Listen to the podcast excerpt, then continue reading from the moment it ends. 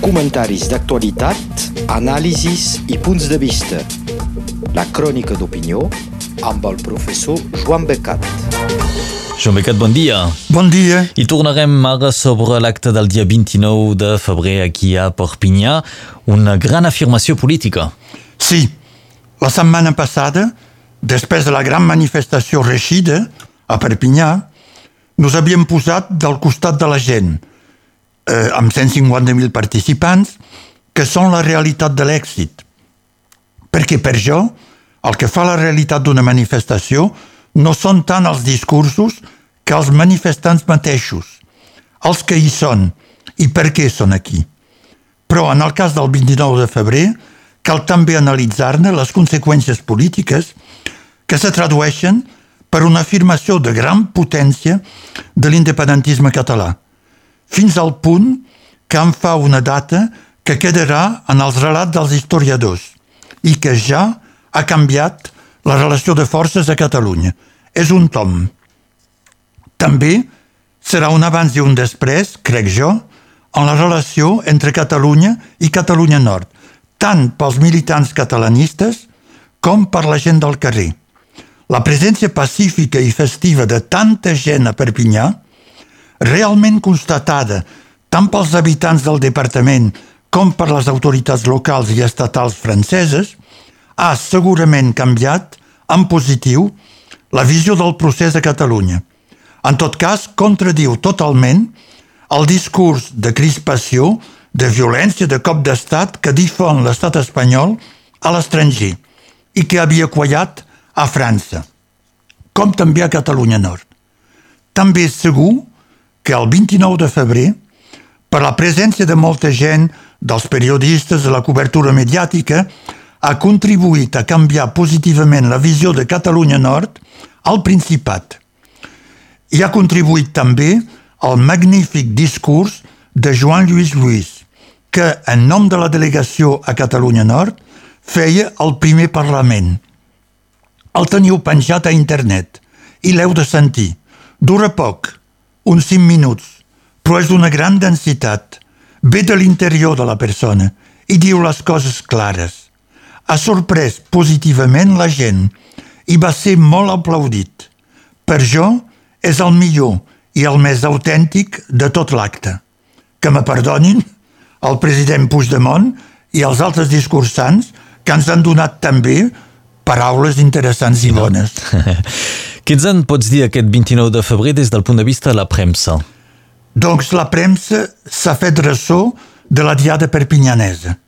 Pot ser perquè era a França. No sé, en tot cas, ja ha estat. A casa nostra cal subratllar que l'Independent ha fet una cobertura remarcable, abans i després de l'acte, i s'ha mostrat a l'alçada de l'esdeveniment. També s'han mobilitzat Radio Arels tot el dia, Radio France Roussillon, França 3, a França. El Figaro titula Démonstration de force de Puigdemont à Perpignan. Le Monde. Carles Puigdemont déplace les Catalans a Perpignan. I també Liberació, France Info i els altres. També a Bèlgica, eh, a Alemanya, al Canadà, on el Journal de Montreal parla d'un bany de masses per Carles Puigdemont a les portes d'Espanya. Són efectivament les dues principals notícies polítiques de l'acte de Perpinyà. La demostració de força de Carles Puigdemont, gràcies al seu suport massiu de la gent, i al fet que se feia a Perpinyà en territori francès. Posa en evidència el contrast que hi ha entre Espanya i tots els altres estats europeus a través de la posició francesa, que era, recordem, una posició francesa de les més pròximes a la línia espanyola. França ha acceptat una manifestació independentista a Perpinyà i hi ha col·laborat, com toca als serveis administratius d'un estat que admet la llibertat d'expressió i de manifestació. De la mateixa manera que ha acceptat les manifestacions déu nhi de les armilles grogues i dels oposants a la llei de jubilacions, ha acceptat la nostra del 29 de febrer. Però aquest acord i sobretot la col·laboració de la prefectura i de les forces de l'ordre franceses per assegurar la seguretat d'una manifestació independentista, que probablement no els hi feia cap gràcia, mostra la diferència que hi ha amb l'estat espanyol, com ho subratlla Joan Lluís en un interviu. El 29 de febrer a Perpinyà demostra a Catalunya i a Espanya que ho perden de vista de vegades, que l'estat francès és una democràcia política i que l'estat espanyol no ho és. Espanya no respecta, s'ha vist, la immunitat diplomàtica de Carles Puigdemont, que no hi pot anar, quan pot fer un míting a Perpinyà, i dels altres eurodiputats, no respecta la llibertat d'expressió, la seva justícia no és democràtica, s'ha fet palès evident a través de la diada de Perpinyà. Espanya s'ha posat al marge d'Europa. La manifestació de Perpinyà va ser tan notable que la premsa i els polítics espanyols no ho van poder amagar. Se'n va parlar molt per criticar que se fes a França, que s'hagi permès, per minorar, però la ràbia mateixa de les reaccions a Madrid diu clarament que la manifestació ha fet tilt. I ens deies que aquest acte doncs, ha marcat un canvi en el joc polític a Catalunya.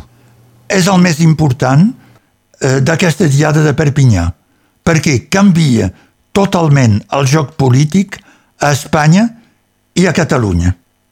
Carles Puigdemont ha entrat amb força a l'escenari i s'imposa o se contraposa la seva línia, la de la batalla final, és a dir, de la segona etapa després del referèndum i de la declaració d'independència de l'octubre del 2017. Com deia Pierre Albaladejó, els més grans se recorden d'aquest jugador de rugby excepcional, demi d'ouverture, parlant de rugby, deia les mouches ont changé d'ana.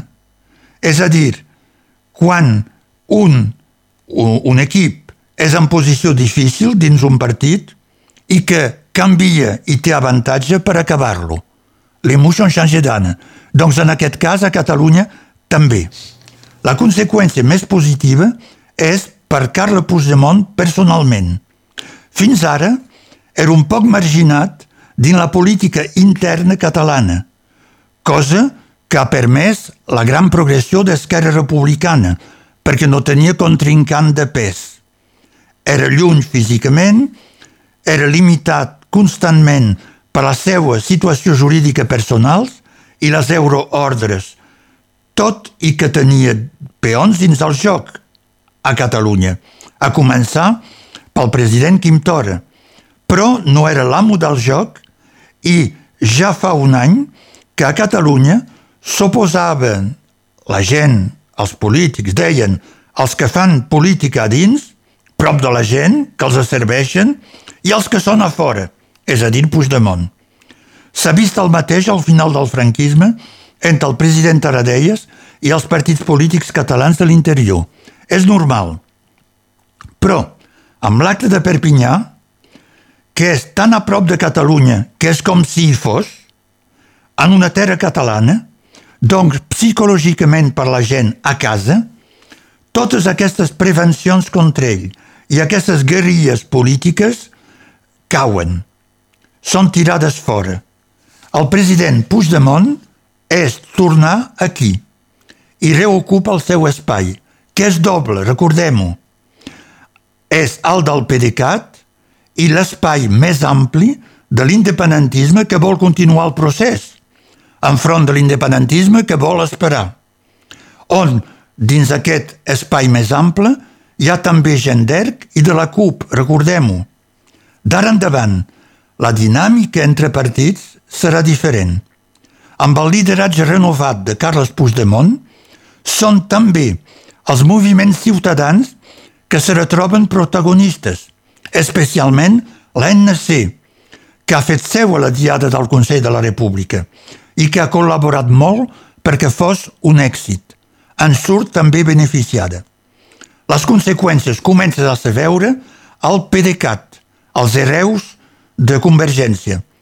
D'una banda, abans l'acte, ja Artur Mas feia passos per encapçalar la llista a les eleccions anunciades i deia que Puigdemont feia un bon número dos, evidentment després de jo, com, com podia pensar. I d'altra banda, hi havia els nostàlgics de Convergència que pensaven presentar una llista autonomista, no independentista, contra la d'Artur Mas, Mas independentistes. Doncs ara, Artur Mas diu que Puigdemont és el líder natural, gràcies Perpinyà, que ha rebut el president del PDeCAT a Brussel·les per veure les estratègies, doncs mana, i els autonomistes tornen dins la seva closca com els cargols, car no veuen possibilitat ni marge de presentar-se. Però va millor, va més lluny que tot això, car canvia la relació de força amb Esquerra Republicana. Esquerra, a hores d'ara, té encara més perspectives de vots, però no té més la mà. Sobretot si no s'ha pas gran cosa de la taula de diàleg amb el PSOE en les pròximes setmanes. Si s'encalla com es veu que passa, doncs ha perdut la mà. Clara Ponsatí ho ha dit fort a Perpinyà. El diàleg amb Pedro Sánchez és un engany i no porta enlloc, sinó a la submissió política a Espanya. Cal veure, finalment, que si Carles Puigdemont encapçala, sense vacil·lacions, la llista i el moviment independentista, tindrà una base més àmplia que aquest PDeCAT, amb personalitats independents i gent d'esquerra republicana, com Toni Comín, llevat que ERC exclogués els militants seus que aniran amb Carles Puigdemont, com ho ha fet amb els membres del seu Consell Nacional que no volien el pacte amb Pedro Sánchez. Els ha tirat fora abans del vot. Tot plegat me fa l'efecte que l'acte de Perpinyà del 29 de febrer tanca el període de transició de més de dos anys marcat per la repressió, el 155, la penosa legislatura que s'acaba al Parlament de Catalunya. És com si comencés un nou cicle Puigdemont. Uh -huh. I ens queda encara algun minutet per uh, parlar de Manuel Valls, ha fracassat a Barcelona i sembla que vulgui tornar a l'estat francès. Sí, i fins i tot Manu, el nostre Manu, vol tornar a ser ministre. Quan vaig llegir la notícia al molt seriós Le Monde de París i als diaris de Catalunya, me vaig demanar si era seriós o si era un nou acte del vaudeville de Manuel Valls. Però sí, és veritat. Hem seguit ja tota l'epopeia de Manu que, que deixa, que abandona la política francesa després de ser precandidat a la presidència de la República. Excusez-moi du peu, diuen a França. Fa els seus adeus al Parlament, a París, i eh, els melanchonistes li diuen bon débarras i se presenta a les eleccions municipals de Barcelona. Pensava guanyar, car era el candidat de Ciudadanos, que havien estat primers a les eleccions autonòmiques del 2017. Però és un fracàs. Pocs vots, pocs escons i alguns dels seus elegits de la seva llista l'abandonen. S'avoreix, se deprima, tot solet, el seu escó d'oposició eh, a l'Ajuntament de Barcelona. A llavors passa de la dreta a l'esquerra a Espanya i com a antic socialista i fervent antiindependentista pensa que li confiarien un petit ministeri a Madrid. Torna a fracassar. No el necessiten. És el final de la seva escapada política espanyola. Se podria quedar tranquil allà amb la vida daurada que li pot oferir la seva nova esposa, una de les més grans fortunes espanyoles. Però no li sembla agradar la perspectiva de salla només a les revistes del cor amb la seva dona i de ser un semental de servei. A llavors, pensa que podria fer un comeback a França, com els cantants que tornen. On? A quin partit? Per quina funció? Doncs, perquè no ministre d'Interior d'Emmanuel Macron. Manu Valls deu pensar que entre Manus s'han d'ajudar. Encara no n'estem aquí, però el nostre menú ha començat una estratègia al seu camí. Primer, fa declaracions a la premsa, per remarcar que no ha perdut mai de vista la política francesa. El diari Le Parisien al febrer diu que sempre vol ser útil als francesos, que no li demanen res, i que França és ma seule patrie. Recordeu la seva declaració d'amor a Barcelona quan va presentar la seva candidatura. Doncs a quin moment menteix? A Barcelona, a París o els dos? Fa després una tribuna al Figaro contra l'antisemitisme. La vigília del viatge del president Macron a Estrasburg sobre el mateix tema. Coincidència. Festeja Macron, l'altre menú, sense vergonya. Diu que quan el president parla de separatisme islàmic, fa un bon diagnòstic, que té paraules justes. Divendres passat obté un interviu au Monde, a París, on diu que el debat polític a França és la seva vida, que no és exiliat, que va a París de tant en tant, que té bones relacions amb el president Macron. Quan el periodista li demana si tornarà al govern francès, diu que això ho decideix el president i el primer ministre, però deixa la porta oberta. Le Monde evoca una possible cartera de defensa o d'interior. Castaner serà content quan ho ha llegit. El més interessant són les declaracions seues a Barcelona on constata que Espanya no té estratègia davant l'independentisme, tots ho sabem, que el constitucionalisme ha fracassat a, a Catalunya. Tots ho sabem també. I que, interessant, diu que si no hi ha canvis, l'independentisme guanyarà la batalla. Autèntic. Dit per ell, ho hem de creure tots. Comentari sobre Manuel Valls que ens oferia Joan Becat. Moltes gràcies. Bon dia a totes i a tots. Comentaris d'actualitat, anàlisis i punts de vista. La crònica d'opinió amb el professor Joan Becat.